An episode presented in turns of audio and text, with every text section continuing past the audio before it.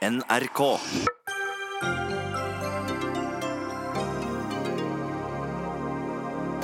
Høyre vil beholde Olemic Thommessen som stortingspresident.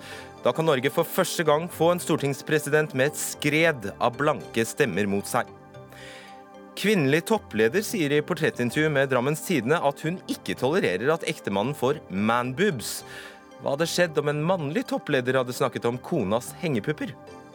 Og kong Filipe av Spania fordømte katalanske myndigheter og kalte dem illojale i går. Hva skjer når en monark tar side i en politisk konflikt i et vestlig demokrati i 2017?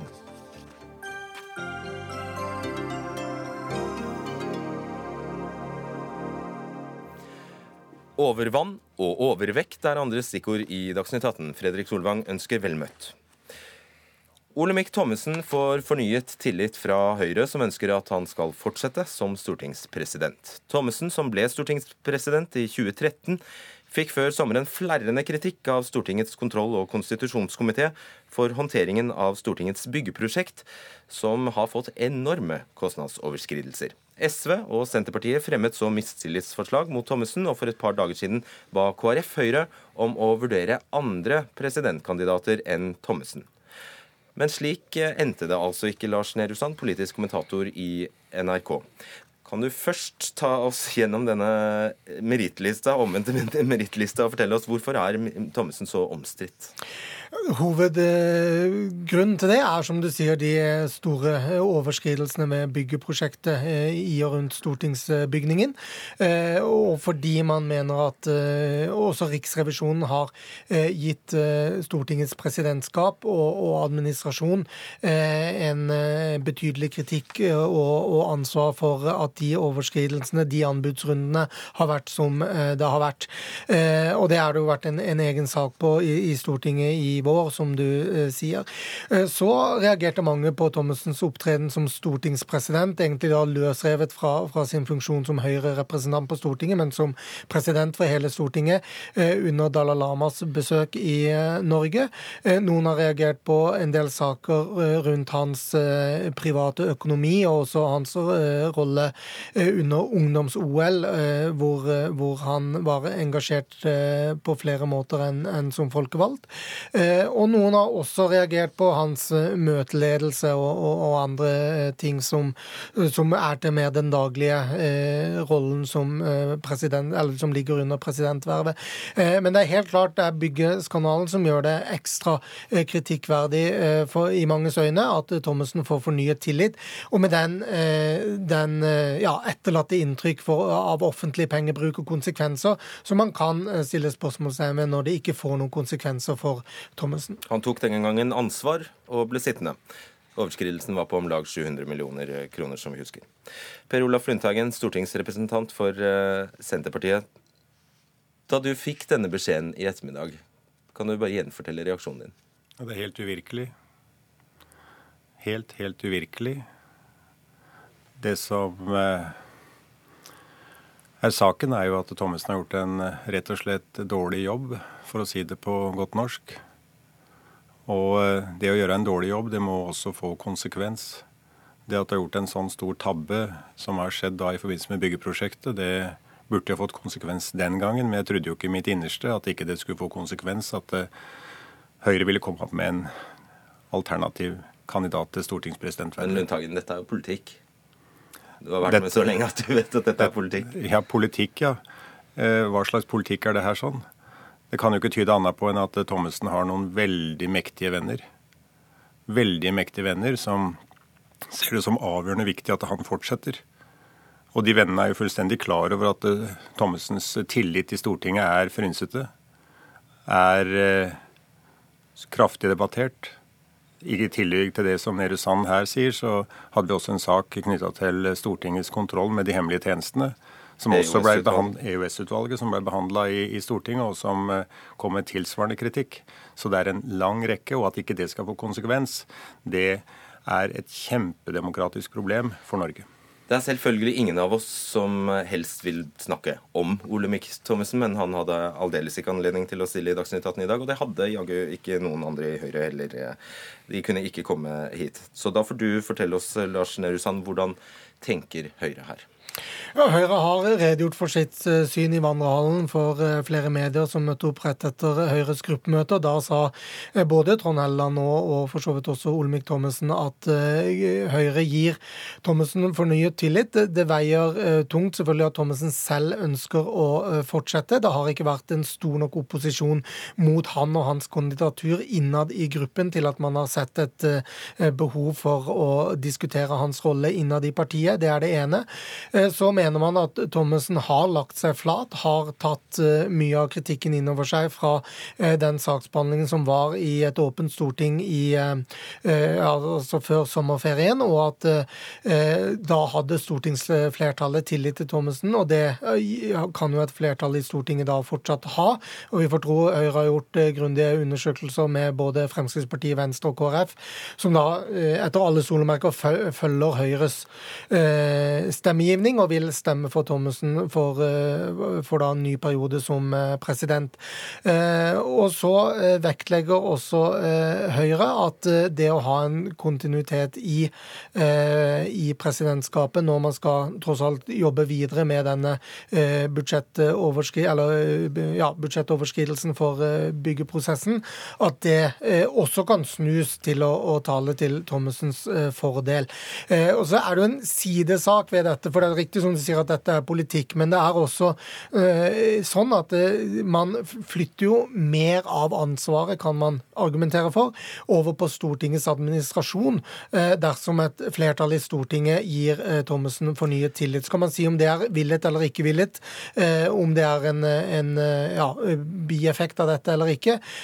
Men Ida Børresen, Stortingets direktør, som uansett avslutter sin åremålsperiode neste kalenderår, blir det vel, Eh, hun eh, blir jo nå stående alene med, med, mer av ansvaret enn hun hadde gjort hvis eh, det hadde fått konsekvenser for Thommessen, kan man argumentere for. Tolker du det slik? Ja, det kan tolkes sånn, og det er dessverre litt for mange eksempler på at den sparker nedover. Nå og det, det, er, det, er, altså en ukultur som en må få slutt på i offentlig forvaltning. Hadde det her vært en privat virksomhet, så hadde sjølsagt den som var eh, styreleder, eh, tatt eh, sitt ansvar og, og trådt tilbake. Jeg sa det at Thommessen må ha sterke og mektige venner. Jeg regner med at en av de sterkeste mektige vennene som Thommessen har for å fortsette her, er statsministeren. Og jeg syns det er sterkt at ikke statsministeren er mer åpen, sånn at Høyres stortingsgruppe kunne da stå friere i sitt eh, valg. Ja, For du tror det er intern splittelse i gruppa? Det, Vi har såpass god kontakt med hverandre at vi er kjent med hva som er forholdet. Det var en ganske sterk diskusjon i Stortingets kontroll- og konstitusjonskomiteen som jeg satt i i forrige periode, nettopp om både eh, kontroll av etterretningstjenestene og av byggeprosjektet, hvor presidentskapet var hovedpoenget. Du, Hva skjer nå? Nå er det altså slik at Senterpartiet og SV har, har, erklært at dere ikke støtter ham. Arbeiderpartiet har sagt til oss i ettermiddag at de per i dag ikke stiller seg bak eh, valget av ham som Stortingets president. De lover altså ingen støtte. Hva skjer da?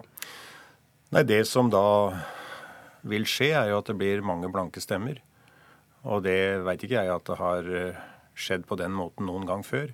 Eh, poenget med valg i, i, av stortingspresident, som er eh, Stortingets øverste person, det er jo at det skal være omforent, og at han skal være stortingspresident for alle partier. Ja, ta, eh, To ord om det. Hvorfor Det sies i dag at dette er et splittende valg. Hvorfor er det så viktig at stortingspresidenten, som stort sett har en seremoniell rolle, er så veldig omforenende? Eh, fordi eh, presidenten skal være hevet over eh, partipolitikken og, den daglige politiske debatt. Det bør være en person som, som hele Stortinget eller hele det politiske miljøet ser opp til og, og anerkjenner i den rollen som, som, hevet over de andre folkevalgte, i tillegg til den seremonielle og praktiske jobben selvfølgelig som stortingspresidenten skal gjøre. Og Så kan man jo også si at nettopp denne perioden med det byggeprosjektet som er, også skal skal føres i havn, så er interessen rundt presidentskapet kanskje større enn noen gang. Og det å ha en person et samlet storting har tillit til, følgelig blir viktigere enn noen gang. Men det som jo kan skje, som Lundteigen er inne på, er at vi får en, en president som har tidenes største andel blanke stemmer mot seg, som en, en stille protest. Men, men det er uansett et flertall for å, å stemme inn eh, Thommessen for, eh, for, et nytt. Og veldig kort til slutt, Får det noen praktisk konsekvens? Praktiske konsekvensen eh, er vel ikke annerledes enn at tilliten er, er svekka, og at en dermed da i alle gjøremål lett kan få større konflikter enn hva du ellers ville fått. Og når det er et svakt parlamentarisk grunnlag som, som, regjeringen har, så er det klart at det, det blir for noen eh, ekstra eh, spesielt at eh, presidenten heller ikke har en, en bunnsolid støtte i, i, Stortinget. Da skal jeg på tampen her bare understreke at vi rettet en henvendelse til Høyres stortingsgruppe, hvor de opptatt Olemic Thommessen med forespørsel om de ville delta. Og det var altså ingen fra Høyre som kunne stille i dag. Takk skal dere ha, Lars Nehru Sand og Per, per Olaf Lundteigen. Dagsnytt 18 alle hverdager kl 18.00 på NRK P2 og NRK2.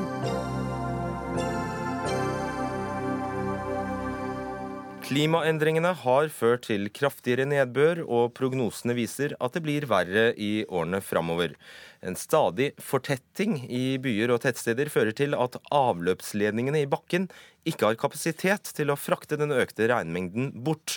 Ja, dette skriver du i ytring hos eh, NRK Julie Bråttkorp, administrerende direktør nå i Maskinentreprenørenes Forbund. Tidligere stabssjef eh, hos eh, Erna Solberg på SMK. Du mener altså regjeringen ikke tar klimaendringene og flomfaren på alvor. Hvorfor det?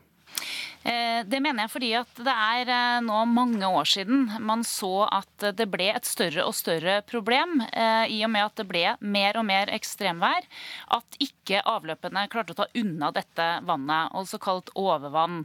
Da satte man ned en NOU, som var veldig bra at regjeringen gjorde. Den leverte. Det ble sendt på høring. Eh, høringen var ferdig for ett og et halvt år siden, og siden det så har den ligget i en skuff. Eh, hovedforslaget der, eh, som var det aller viktigste, var å få ett departement som ansvarlig. For vann og avløp er og blir noe av det viktigste infrastrukturen vi har i det norske samfunnet. Eh, men det er da altså noen sier sju, andre sier elleve departementer som sitter og bestemmer lovgivning og forskrifter her. Og det har ført til at ingen tar ansvar. Da er ditt eh, enkle krav? Det enkle kravet er at vi får samlet ansvaret for vann og avløp i ett departement. Akkurat sånn som man har et ansvar. Det er ett departement som har det konstitusjonelle ansvaret for andre viktige infrastrukturer i samfunnet. Terje Søviknes, du er olje- og energiminister fra Fremskrittspartiet, med oss fra Kristiansand. Du er med fordi du har ansvaret for Norges vassdrags- og energidirektorat, som da ligger under ditt eh, departement, olje og energi og har således ansvaret for beredskapen mot ras, flom og vassdragsulykker. Og dette er jo bare noe av det vi snakker om. Vann- og avløpssektoren i dag eh, Søviknes, er eh, omfattet av 70 lover og forskrifter, eh, hvorav ingen da definerer et statlig departement som ansvarlig myndighet. Kan vi ha det sånn?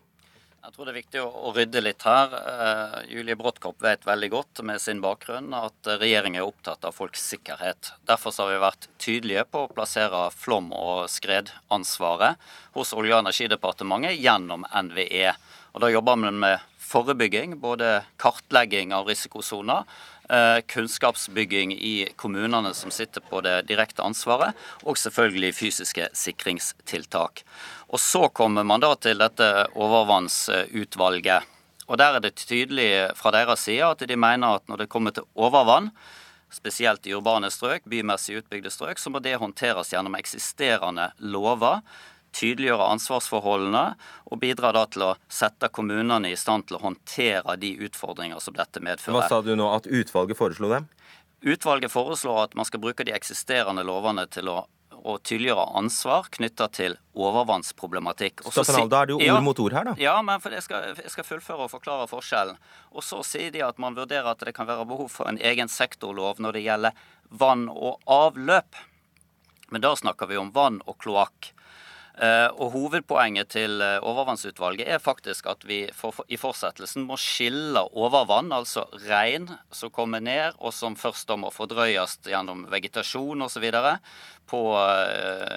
Ja, i byggeområdene.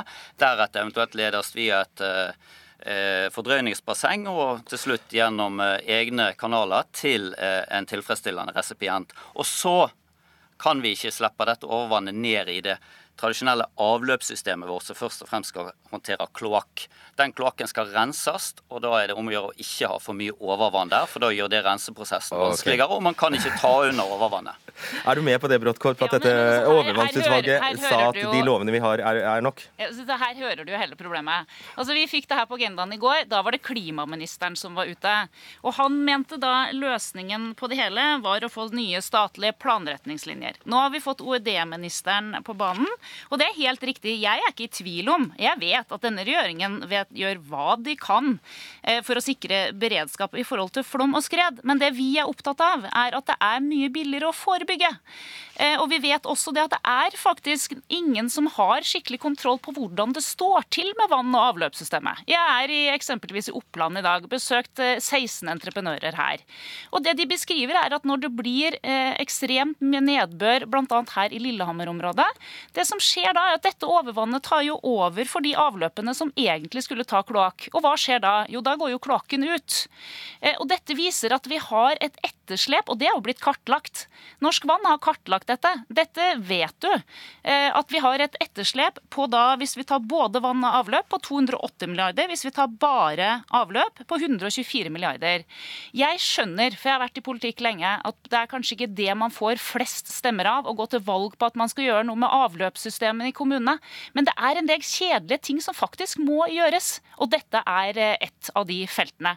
For da ville vi ha forebygget, og ja, vi ville fremdeles ha hatt ekstremvær. Det kan verken Søviknes eller jeg gjøre noe med. Kanskje kunne man fått hjelp av andre partier. Men, men, i forhold til da å ha gjort noe med infrastrukturen, det må vi sørge for at man da får unna så mye overvann som er mulig okay. gjennom disse systemene. Og da Søviknes, vet du at da, er det et pengespørsmål, og denne Nei, det er ikke bare det. Da, la meg fullføre. Ja. Da er behovet for investeringer i avløpsanlegg beregnet til 124 milliarder. 3 milliarder i året, det er bare i, eh, altså i, i perioden. Ja, det er helt riktig. Og vi skal være enige om én en ting. Det er billigere å forebygge. Og det gjelder da både i forhold til flom og skred og overvannsproblematikk i urbane strøk. Så er det en egen diskusjon om selve vann- og avløpsnettet og det etterslepet som er der. Det er kommunene sørgelig klar over. De har store utfordringer både med lekkasje inn i avløpsnettet og vannettet, og lekkasje ut. Så der er det mye å hente for kommunene, og det investeres i dag store beløp. Det vet jeg fra min tid som 17-årig eh, periode som, ordfører for, for, litt tid tilbake.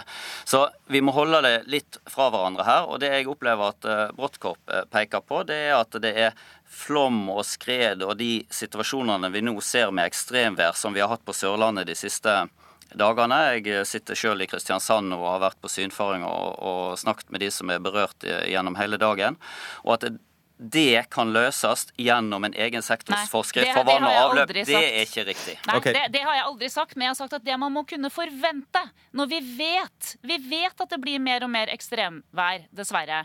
Og da må vi kunne forvente at myndighetene gjør det de kan for å sørge for at konsekvensene blir minst mulig. Og det gjør de ikke. Det og det, det gjør de ikke fordi de av to grunner. En, det er ikke noe departement man kan eh, kontakte når det gjelder ansvar for dette. Derfor sliter kommunene selv. Vi har vært ute i 46 kommuner og kartlagt dette, og de sier noe av det mest frustrerende at vi vet ikke hvem vi skal kontakte. Og to, man må sørge for å investere også i det som er kjedelig, bl.a. avløp. Men Da kan jeg oppklare litt. for Når det kommer til overvannsproblematikk isolert sett, så er det faktisk da NVE i dag som gir kunnskap, eh, veiledning til kommunene i forhold til å håndtere dette.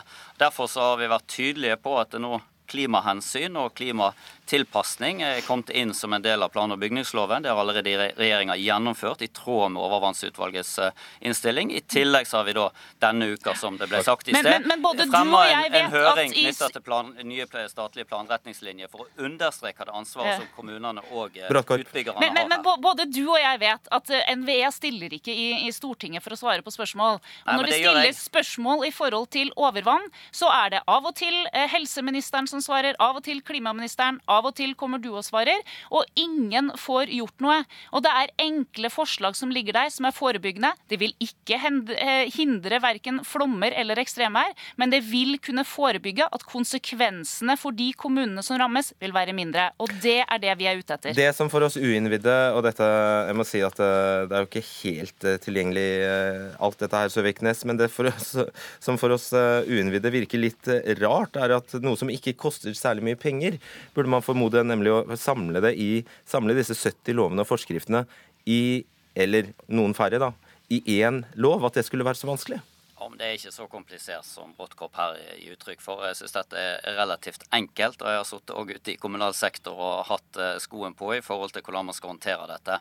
Når det gjelder nye utbygginger i dag, og i, spesielt i urbane strøk, så er man opptatt av å ha minst mulig harde flater. Det er for å rett og slett få størst mulig infiltrasjon av nedbør som kommer ned, sånn at man får samla vannet og ikke får det raskt ut i eh, avløpsnettet som, eh, og sluker osv. som kan gå seg tett. Eh, og så har man mulighet for å bygge fordrøyningsbasseng, og så må man lede dette til en godkjent resipient. Og dette blir i dag hensyntatt i arealplanlegging ute i kommunene. Og der er da NVE en viktig samarbeidspart for å bygge opp kompetanse både i kommunene hos planleggerne der, men òg hos konsulentbransjen og hos entreprenørene. Siste spørsmål, Bråttkorp. Jeg klarer ikke å dy meg. Du som tidligere stabssjef for Erna Solberg hadde jo nettopp et samordningsansvar. Du kunne jo ha gjort noe med disse elleve departementene.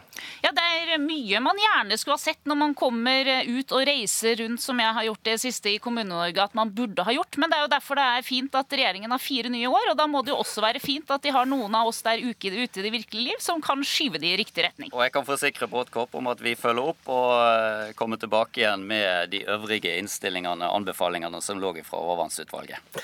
Takk for at denne innføringen i overflatevann og diverse. Takk, Julie Bråttkorp og Terje Søviknes.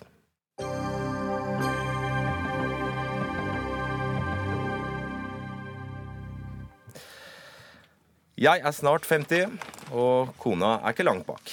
Vi trener intenst for å holde kroppen i form. Men eh, jeg har gitt klar beskjed til fruen om at eh, jeg verken tolererer hengepupper eller cellulitter. Dette skrev du, redaktør i Fiskaren, Øystein Hage. Har du gått fra vettet? Nei, det var eh, forsøk på bruk av ironi i forbindelse med at jeg leste et eh, portrettintervju med den tidligere KK-sjefen i Drammens Tidende, som ble gjengitt i Medie24.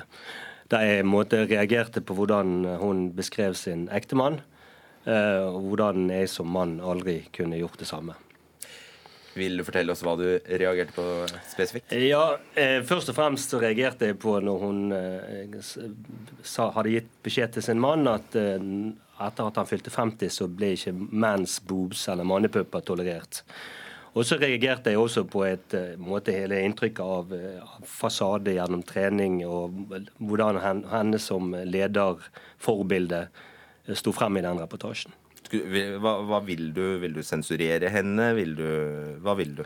Nei, jeg vil bare sette fokus på at eh, hun som eh, leder i en mediebedrift og leder i en viktig posisjon i Norge, er et rollebilde for andre. Og at hun bør tenke over hvordan hun snakker og, og til andre mennesker, som, som, vi alle må gjøre. Du ble støtt? Nei, jeg ble ikke støtt, men jeg ble litt provosert. Det ble jeg. Okay. Kristin Monstad, du er altså eh, ansvarlig redaktør i eh, Drammens Tidende. Også på den måten ansvarlig for dette intervjuet. Jeg skal bare raskt sitere, sånn at vi får et litt bedre grep om hva, eh, hva, hva, som, som, sto her. Altså, I portrettintervjuet med KK-sjef Gyri Helen Werp står det om da hun bestemte seg for å gå på dagen. For, for, en stund siden. Etter at avgjørelsen var tatt, etter telefonsamtalen med Sigmund, som har stått henne last og brast i alle disse årene, selv etter at han har fått beskjed om at hun ikke tolererer manboobs. Nå som han har passert 50 år, kjente hun bare på en eneste stor frihetsfølelse. Kan du forstå hva Hage sier? Ja, la meg begynne med å si at jeg syns jo det er helt fantastisk å bli invitert til Dagsnytt 18 for å snakke om man boobs. Det er jo et tema vi i Drammens Tidende er særdeles opptatt av. Bare hyggelig. Eh, men eh, for det andre så, så, har jeg lyst til å si at eh, vi tar ikke selvkritikk for det. Jeg så at at redaktøren i andre enden her kritiserte at journalisten overhodet kunne finne på å skrive dette. Og det mener jeg er skivebom. For selvfølgelig så gjengir vi en uttalelse og en holdning fra en redaktør i et portrettintervju det tilhører den sjangeren. Og som du var inne på, man sensurerer ikke det. Men hun sa vel sikkert en god del annet også, også som ikke kom med intervjuet? Mye annet. Dette var en innskutt bisetning eh, i et godt skrevet intervju, mener jeg, som reflekterte eh, hvilken, eh, hvilken, type eh, Jyri Helene Berp er. Og så er det også sånn, har jeg lyst til å si, at det er ikke, er ikke journalisten i Drammens Tidende som har tatt opp temaet man boobs. Det utgjør også en viss forskjell, vil jeg si. Dette var noe som jeg holdt på å si, hun har sugd av eget bryst. Så, så, der kom den. Eh, det er eh, enig med, med redaktøren i Fiskeribladet Fiskaren, er det ikke det? Eh, det er enig med han om, det er at eller for å snu på det, da hvis, hvis Ta det du er uenig med han i, da. Nei, nå skal vi ta Ja. Hvis, hvis vi hadde intervjuet uh, han i et portrettintervju, uh, og han tilfeldigvis hadde kommet til å si da at uh, han hadde ikke tolerert at kona hadde fått hengepupper og cellulitter, ja, da hadde vi skrevet det. og det, der, Nå kommer jeg til det vi er enige om. det er at ja, jeg tror det kunne blitt mer bråk. En, og det er jo Hages poeng. Yes. Det er jo Hages poeng. Men jeg vil i hvert fall uh, hva skal jeg si, slå en Si noe om at vi kan, vi kan, ikke diskutere hvorvidt vi skal skrive dette eller ikke, men vi kan godt diskutere dette som et fenomen eh, om kjønnsstereotyper. Ja, og det er jo det vi forsøker på. fordi det er jo selvfølgelig Som redaktør så er det jo selvfølgelig ikke for å underslå et uh, direkte sitater, Øystein Hage. Nei, på ingen måte. Jeg skjønner jo godt at de har brukt dette sitatet. For all del.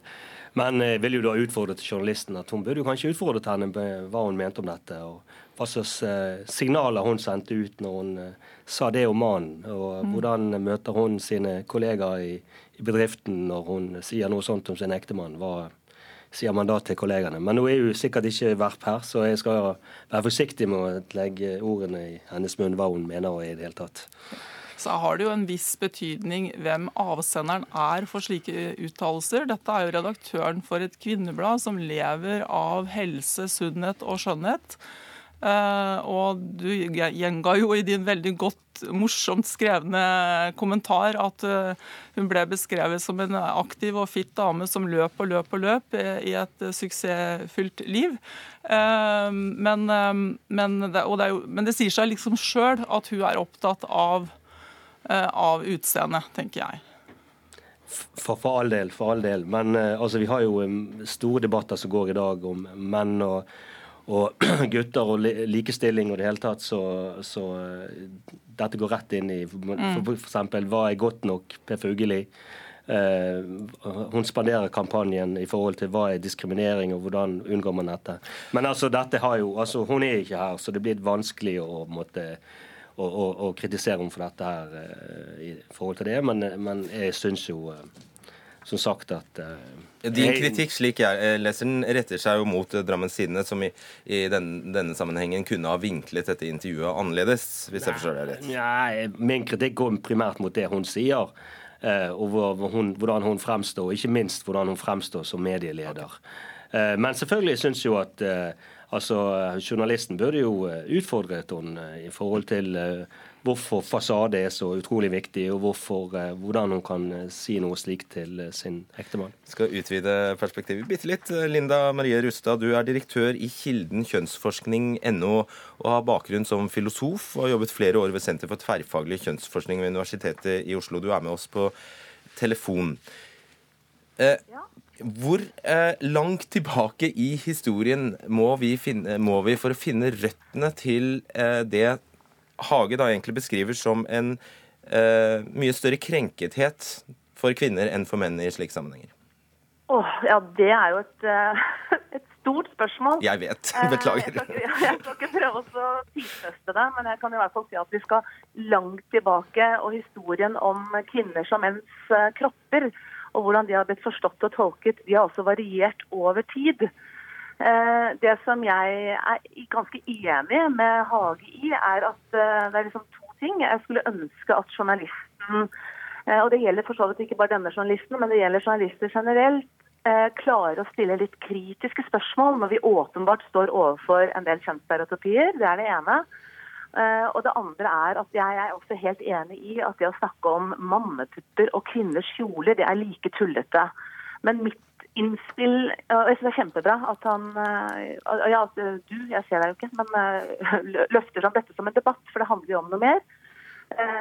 og jeg er også enig med redaktøren i Drammens Tidende i at det er klart at hadde det vært skrevet, den ironiske versjonen som Hage da skriver om at kvinner og hengepupper og alt dette her, så hadde det blitt ramaskrik men det er noe med at det må vi også forstå. Hvorfor hadde det blitt det? Og jeg tenker at det er da fortsatt sånn eh, det er noen historiske grunner, og det er fortsatt sånn at vi selv i dag reagerer ulikt både omtaler og bilder av kvinners og menns kropper. Hva er de historiske grunnene, for, eh, for å si det? Hvordan vil du sammenfatte dem? Nei, altså jeg vil si at kvinnekroppen, den har jo eh, altså Mannskroppen, da, for å ta den, den har alltid vært eh, i kontroll, i, har vært selvdisiplin. Mannen har vært liksom den ultimate rasjonaliteten. Eh, mens kvinner har jo ikke vært altså Kvinner har jo vært eh, gjenstand for manns blikk. Og kvinners selvrealisering har jo vært avhengig av mannens definisjon på et eller annet vis. Eh, og dette har jo vært hele, eh, tenker jeg, mye av utgangspunktet også fra, for en kvinnefrigjøring som startet på slutten av 1700-tallet. Eh, og som fortsatt er gjeldende. Jeg hører liksom mye av det samme når Marta Breen, forfatter og hun er vel også journalist, dokumenterer hvordan medier, reklame, fortsatt slenger fram bilder av den seksualiserte kvinnekroppen, eller Ulrikke Falks nå store engasjement for kroppspress mot unge jenter. Jeg tenker Det er liksom, det, er, det hadde vært interessant å sette seg sånn som kontinuum. Selv om det er endringer, så er det likevel noen paralleller. Eh, men jeg synes jo også, jeg er helt enig i Haga som skal reagere på den type uttalelser med man boobs. Eh, fordi jeg tror også at gutter nå opplever et, eh, at bildet har blitt endret. At også gutter opplever et kroppspress. Og vi trenger jo på ingen som helst måte å gjøre opp under det. Er det noe av dette Kristin Monstad, du er uenig i? Eh, nei, jeg, jeg, hvis jeg oppfatta det riktig, så var det litt sånn eh, Man kan godt eh, diskutere at eh, hvorvidt vi skulle stilt et oppfølgingsspørsmål eh, og tatt det på en måte ut av portrettsjangeren. Det blir litt sånn teknisk å diskutere her, tenker ja. jeg. Ja. Eh, men, men Um, å la være å skrive om det mener jeg blir, blir litt sånn tullete. Det jeg syns er uh, interessant, som du sier, det er jo at uh, vi er jo inne i en tid hvor også mannens utseende er mye mer i fokus. Eh, jeg tenker jo at uh, Tradisjonelt så har det selvfølgelig vært sånn at mediene nok har gått lenger inn i intimsfæren til kvinner enn til menn, av de historiske årsakene som du er litt inne på. Uh, men det er jo en trend, som sagt, at vi går mye nærere mannens kropp og utseende også, som i dette eksempelet. Og eh, Jeg har ikke spurt om lov, da, men jeg har med et lite avsnitt eh, fra et intervju, et portrettintervju, dette også, fra Dagens Næringsliv i fjor, hvor, hvor eh, Nils Norvik, eh, en kjent eiendomsmegler, ble portrettert. og Det var masse om dyre dresser. Eh, om Rolexer og en rekke statussymboler. Og så kommer spørsmålet fra journalisten. Tror du utseendet har hjulpet deg som selger? Han ser på ingen måte ut til å bli fornærmet over spørsmålet. Min far pleide å si 'jeg kan ikke noe for at jeg er en pen og kjekk mann'. Og han var det. Og det er jo ingen ulempe å se godt ut. Før pleide jeg å bli sammenlignet med Julio Iglesias, men nå har George Clooney begynt å bli grå, så jeg ligner mer på han. Ok, Det, et, det er et nydelig punktum. Vi sier at det er nok der. Takk skal du ha. Øystein Hage, Kristin Monstad og Linda Marie Rustad. Tusen takk.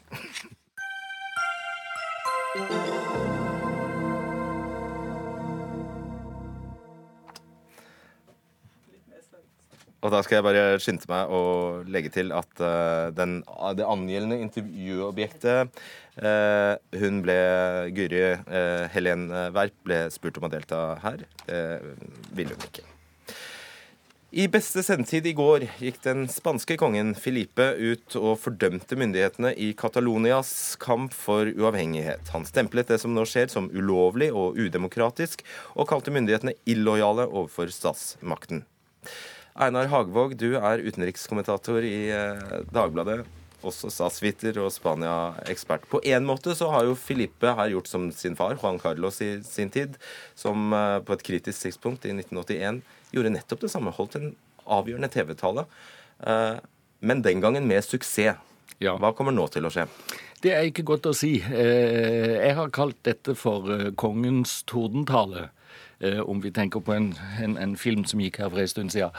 Det var en veldig overraskende, hard tale hvor kongen tok et veldig klart standpunkt for regjeringas holdning Eh, og mot eh, katalanistene, de katalanske eh, separatistene i, Barcelona.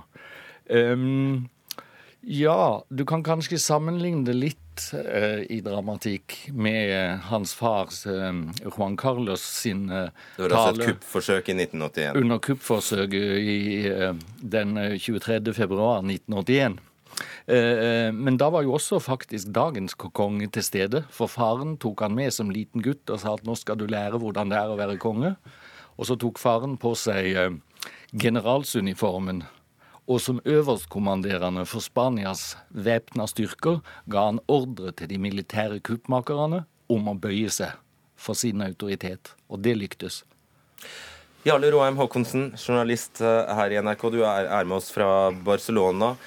Hvordan reagerer katalanerne på at kongen deres, for han er jo også det, oppfattes som så politisk og så eh, partisk? Ja, De eh, peip jo mot han eh, allerede før det. De peip jo mot han og ropte 'kom deg vekk herfra' da han var her for å vise sin respekt etter eh, terroranslaget mot La Rambla i august. Så han var ikke populær fra før, og mange av separatistene mener at han ikke er deres konge. Men eh, viktigere enn det, selv de på midten, kanskje til og med de som ikke er for katalansk løsrivelse, mente at han gjorde en stor feil, eh, Felipe, i går, når han ikke engang eh, snakket eh, varmt om eh, alle de hundrevis av skadde etter søndagens dog ulovlige avstemning. Men mennesker som bare hadde et papir i hånden, ble altså slått ned, iallfall ifølge TV-bildene. Og at ikke de, han, han nedverdiget seg til å vise det, er mange her utrolig skuffet over. Ordføreren her, Ada Colau, kaller det en skam.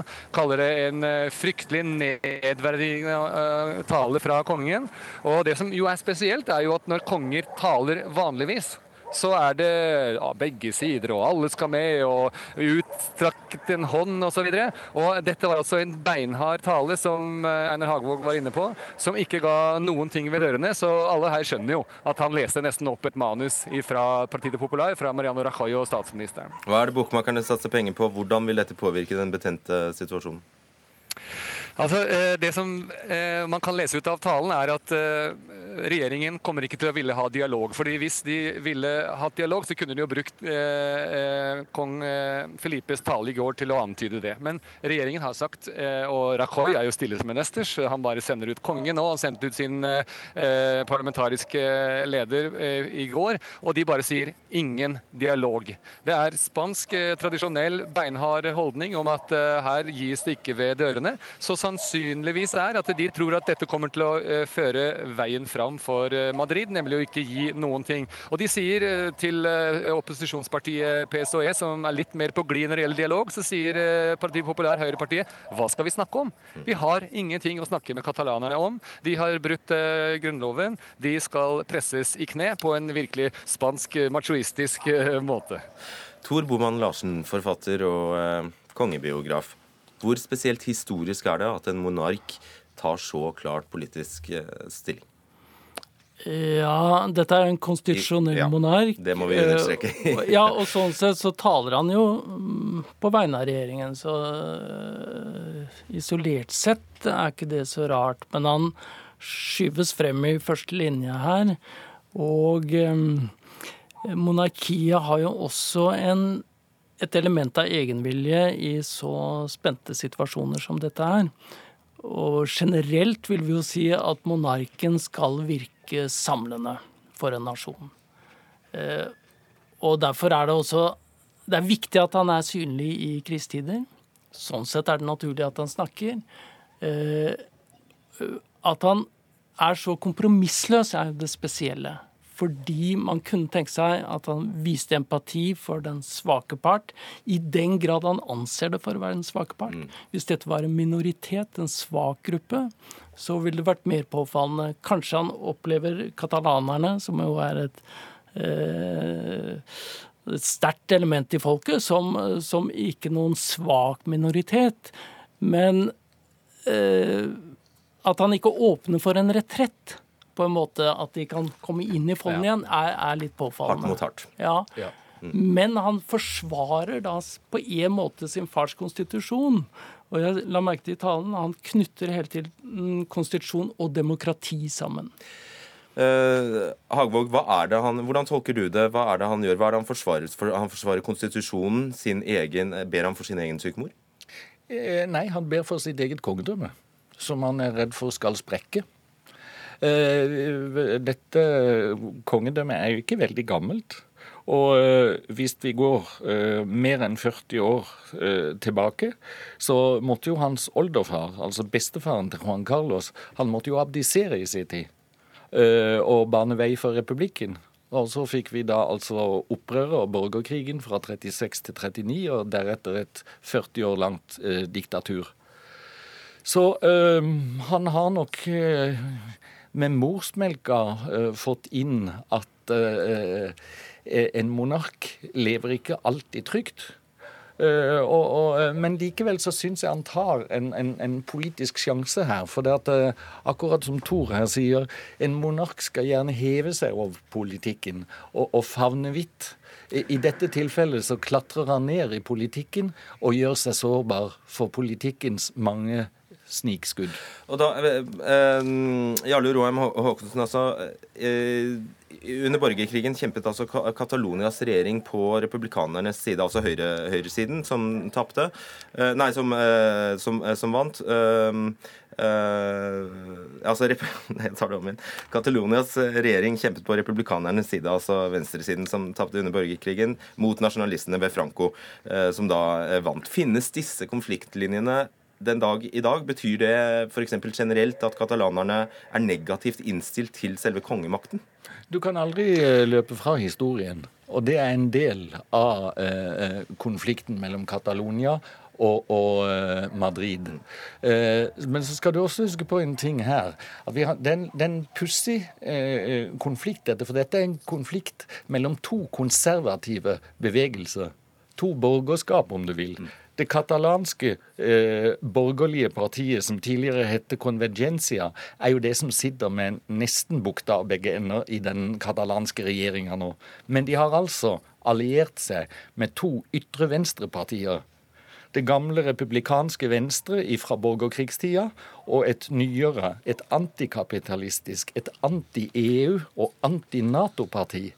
Sammen med det som i norsk målestokk og i gåseøyne ville vært Høyre. Ikke sant.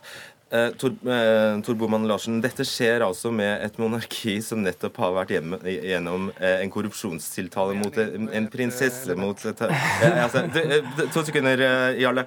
altså Et havarert ekteskap mellom Juan Carlos og dronning Sofia og elefantjakt i Afrika. jeg vet ikke hva. Jo, jo, men det er på en måte allikevel overfladiske ting. Fordi en monark faller ikke på sånne ting.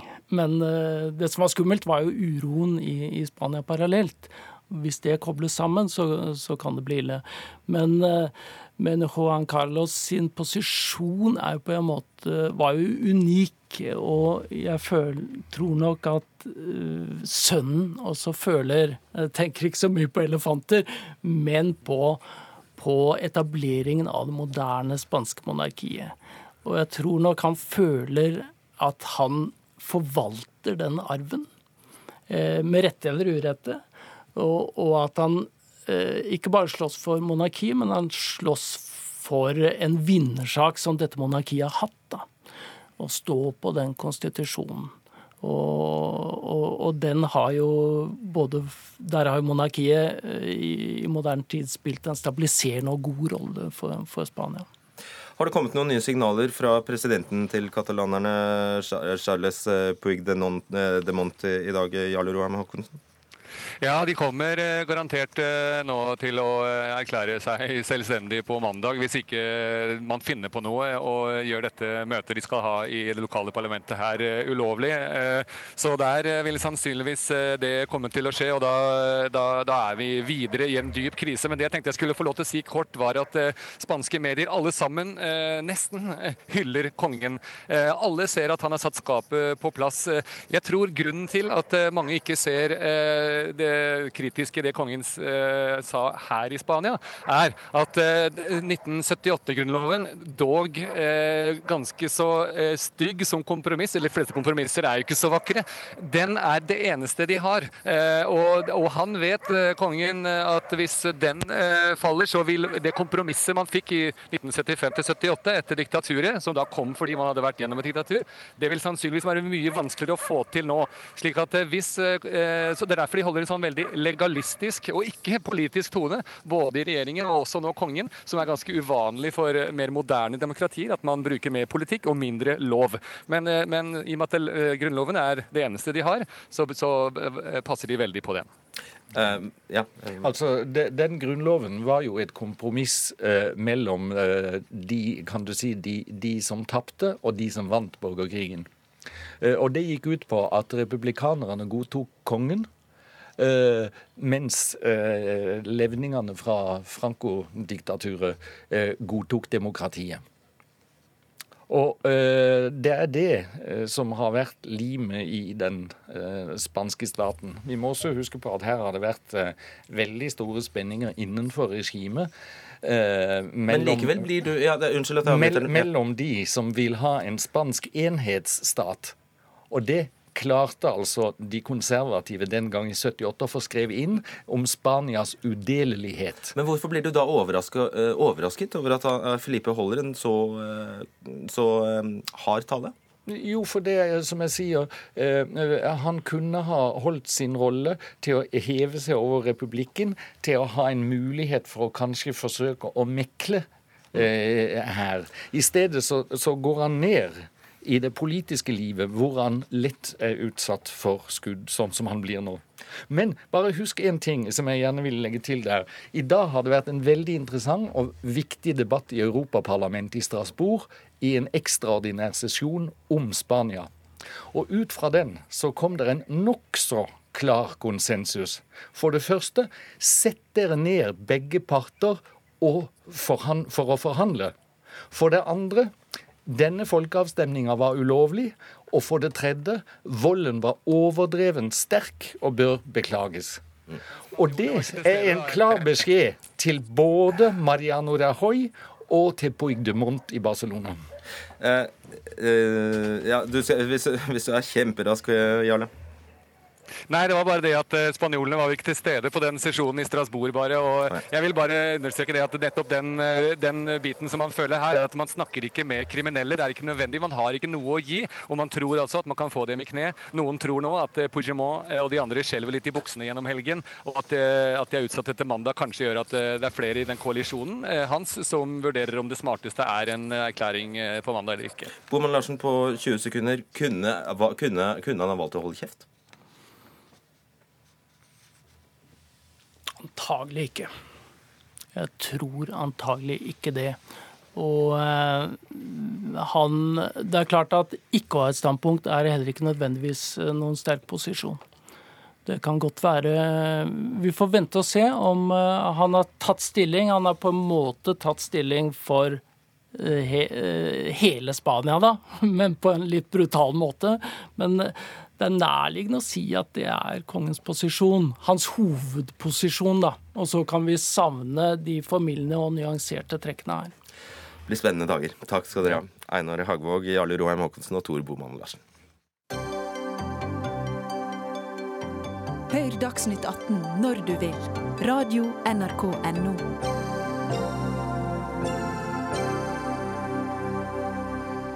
Vi blir stadig tjukkere. Én av fire voksne har nå fedme, viser en ny rapport fra Folkehelseinstituttet som ble lagt fram i dag. Selv om økningen i fedme og overvekt hos barn har stoppet opp, er det slik at eh, blant oss voksne blir det færre tynne, færre normalvektige, flere overvektige og flere med fedme. Mari Mette Graff, du er leder i Landsforeningen for eh, overvektige, og du mener det er et virkemiddel som rett og slett eh, ikke tas i bruk her, men som er opplagt. Hva er det? Det er vekta. Vi kan ikke snakke om ting og bare synes. Vi må faktisk ha faktiske tall å forholde oss til. Og da er det å gå på vekta hos fastlegen et veldig enkelt tiltak. Å starte samtalen der. Gjøres ikke det i dag? I forsvinnende liten grad etter de tilbakemeldingene jeg har fått. Det har strømma på med tilbakemelding i dag etter nyhetene i morges. Men hva skulle det hjelpe? Det hjelper til at man faktisk får satt temaet på dagsorden. Ofte så må du være utrolig tjukk for å få hjelp, og det er jo helt enkel matematikk at jo mer du veier, jo vanskeligere er veien tilbake. Men skal alle måtte på vekta? Skal også de som er syltynne på vekta? Det får egentlig fastlegen vurdere, men all endring starter med det små. Min vei til 150 kg starta med ett kilo overvekt. Og det å se det tallet er viktig? Er det, det, det er viktig. Er ok, Og det skal selvfølgelig eh, registreres? Det må selvfølgelig journalføres, for ellers vil du ikke kunne dokumentere mm. endringer over tid. Nettopp. Tone Trønd, helsepolitisk talsperson for uh, Høyre. Dette høres nesten gratis ut. Veldig enkelt. Altså noe dere politikere, tiltak dere politikere burde bare innføre. Ja, Det er ganske bekymringsfullt at, eh, at forekomsten av overvekt og fedme øker. Eh, det må vi ta på alvor. Og så er spørsmålet er, er vekta virkemidlet, eh, eller er det i hvert fall det å starte med at fastlegene spør mer? For det er en del studier som viser at fastlegene kvier seg for å ta opp spørsmål knytta til vekt og knytta til, til, livsvaner. Så jeg tror i hvert fall vi skal starte med, med, det. Mange er sikkert flinke, men det er nok flere også Hva skal du spørre om? Nei, jeg tror en må spørre om eh, rett og slett om eh, levevaner og livsvaner. Og det er jo sånn da, at for de aller, aller fleste så trenger en ikke de store radikale endringene, men en trenger å bevege seg litt mer. 30 om dagen, som er disse kampanjene vi snakker om. Og det å spise, spise litt mindre fett og sukker. Snakke først. Ja, men hva skal man snakke om? Er ikke vekta en utrolig enkel og konkret inngangsport til nettopp samtalen om det som kan være så vanskelig? Ja, Legene kvir seg utrolig for å ta det opp. Har du tallet der foran deg, svart på hvitt, så kommer du ikke utenom. Og hva skader det? Nei, hva skader det? Det kan du si. Men, men jeg tror de fleste som veier en kilo eller to eller fem eller ti for mye, er egentlig ganske klar over det også. Så jeg tror at, eh, at eh, det, å, det, å, faktisk ta opp levevaner eh, i møte med, med fastlege Men husk, veldig mange har også bedriftslege. Eh, mange går jo til bedriftslege. Jeg tror levevaner, kosthold, fysisk aktivitet er viktige spørsmål som de tar opp. Og det har jo blitt mer og mer viktig de siste årene. Mange bedriftsleger har mye fokus på, på både det fysiske, men også psykososiale, mm. hvordan vi trives. Så, så jeg, jeg, vil ikke si at dette ikke er et, eh, et, godt poeng, men jeg tror at eh, det viktigste er at fastlegene tar eh, det, eller stiller det vanskelige spørsmålet, ja. åpner opp for det. Ja. Ingvild Kjerkol, du er helsepolitiker og stortingsrepresentant for, fra Arbeiderpartiet. Hva, altså, har regjeringen Nei, det er et forledende spørsmål. Hva ja. Hva syns du om det Trøen sier her? Nei, jeg syns, eh, jeg syns dagens regjering har for lite fokus på å forebygge livsstilssykdommer når fedme blir sykelighet. Eh, og jeg syns ikke man bruker kunnskapen som forteller oss at tidlig innsats, forebygging, er det som må være politikken på kort og lang sikt. Har du noe konkret å vise til, eller? Ja, det har jeg. fordi at vi denne regjeringa bruker ikke de her brede fellesskapsarenaene som f.eks. skolen er, hvor vi eh, kan få eh, innøvd de gode levevanene. Eh, vi har jo bl.a. foreslått et skolemåltid, det å bidra til at god ernæring og bevissthet rundt det etableres som vaner tidlig. Vi har også foreslått én time fysisk aktivitet om dagen, sånn at man legger opp til at man beveger seg hver dag. Når vi går inn i ei framtid med flere mm. stillesittende okay. jobber. Og det er klart at Den dagen du kommer til fastlegen og det er snakk om å gå på vekta eller ikke, så er det jo andre virkemidler som må til. Vi tror også at fastlegen skal ha noen flere verktøy i verktøykassa da, men vi må jo forebygge det her mye tidligere. Ikke sant. Og det er jo da litt uh, seint, tror jeg. Stemmer, stemmer virkelig dette her? At dere har stemt ned gode forslag som skolemat og en time mer aktivitet? Det stemmer absolutt ikke at regjeringen ikke har gjort noe med dette. Uh, det Disse to tingene? Det stemmer, ja. Jo, forslagene fra Arbeiderpartiet, men, men, uh, men Ingvild Kjerkol, du og jeg er jo enige om at vi skal ha mer fysisk aktivitet i skolen. Og det er jo faktisk sånn i dag at veldig, veldig mange skoler har eh, kanskje mer fysisk aktivitet enn noen gang. Eh, fordi det er veldig mange som er flinke til å integrere dette å være fysisk aktive eh, med de vanlige skolefagene. Og vi har jo også på ungdomsskolen, der vi vet at kanskje den største utfordringen er at det er da man blir mer inaktiv i, i ungdomsalderen. Der har vi jo en hovedstudie hvor 29 skoler er med på en studie for å se hvordan mer fysisk aktivitet i eh, skoledagen kan bidra til både bedre læringsmiljø, eh, bedre fysisk eh, aktivitet hos, hos elevene. Og det syns jeg er viktig at vi nå skal se på den studien for, for, å implementere det videre. Og når det gjelder skolemat, så er det ingen tvil om at det er bra. Og vi har vært opptatt av å legge til rette for at skolemåltidene skal, skal preges av ro. At det skal Dere vil bare ikke betale for det?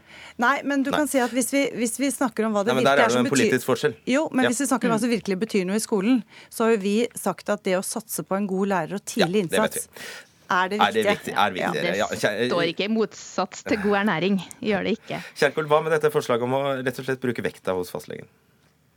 Eh, jeg tenker at det er ganske åpenbart at uh, du har uh, en utfordring med en litt for stor kropp, uh, også før det har gått på vekta. Hvis at uh, man ønsker den type samhandling med fastlegen, så tror jeg at uh, det skulle være mulig i dag også. Uh, det som er litt krevende for fastlegen, det at han har lite instrumenter for å starte en god samhandling med sin pasient, som forebygger helsa. Eh, og det å, å, vite hva man veier, det er jo fornuftig, det, men man kan jo, de fleste har jo badevekt hjemme også. Så jeg tror det her forebyggende sporet, det gjelder både på de her brede fellesskapsarenaene, som dagens regjering ikke har valgt å benytte seg av. Man tester ut piloter med skolemat og, og oppfordre til fysisk aktivitet. Men de brede, kunnskapsbaserte folkehelsetiltakene har man takka nei til å innføre. Og det syns jeg er en forsømmelse. Fordi at det her individfokuset det er vel og bra, men det rammer oss som fellesskap og befolkning at vi blir stadig tyngre, og at vi får de her såkalte livsstilssykdommene da, som er en jo... følge av at vi er tyngre og, og, og ikke rører oss nok. Ja. Og Det er jo å skyte seg selv i foten, Tone Trøen, for du skal legge et statsbudsjett, og disse utgiftene de øker bare. Jo, men uh, vi, jeg mener jo uh, tvert imot at vi har gjort veldig mye, Ingvild Kjerkol. Uh, vi har jo også en avtale med matvarebransjen om faktisk å senke andelen metta fett og sukker i maten. Altså, Vi gjør mange av disse brede befolkningsretta tiltakene som du også nevner. Men, men, du må innrømme at når det gjelder vekt blant barn og unge, så er jo det stagnert. Altså, Økningen har stagnert, ja. økningen har stagnert. Ja. Men vi må særlig ta tak i det som, det som min sidemann, eh, kvinne her, sier. At vi må ta tak i også dette med økt overvekt hos voksne. Men dere kutta, ja. kutta skolefruktordningen, Men, og dere overlater det her til tilfeldighetene. Det er vel den største forskjellen på Arbeiderpartiet og Høyre her. Vi vil at det skal være likt for alle barn som går i skolen. Muligheten til å få god ernæring og muligheten 95, til å røre seg. Husk på at 95% av barna i skolen har med seg eh, matpakke da, på barneskolen. Ja, Mari Mette Graff. Eh, hva er, eh, hvis du kan sammenfatte det på litt over et halvt minutt, hva er hovedårsaken til at dette problemet bare øker, selv om det må sies at vi har vel aldri snakket så mye om det som nå? Enhver endring øker. Starter med en liten økning. Min vei til 150 kilo starter med et kilo overvekt. Det sa jeg i stad. Barndommen din eier du for resten av livet. Unger er prisgitt det voksne byr dem av mat, fritidsaktiviteter og læring. Vi som voksne må ta det ansvaret ungene ikke kan. Mm. Takk skal du ha. Vi lar det være en oppfordring, rett og slett. Vi omformulerer til å være det. Takk skal dere ha, Tone Trøen, Mari Mette Graff og Ingvild Kjerkol. Dere fikk eh, avslutte Dagsnytt 18, som i dag var ved Arnhild Myklebust, Erik Sandbråten og Fredrik Solvang. På gjensyn og gjenhør i morgen.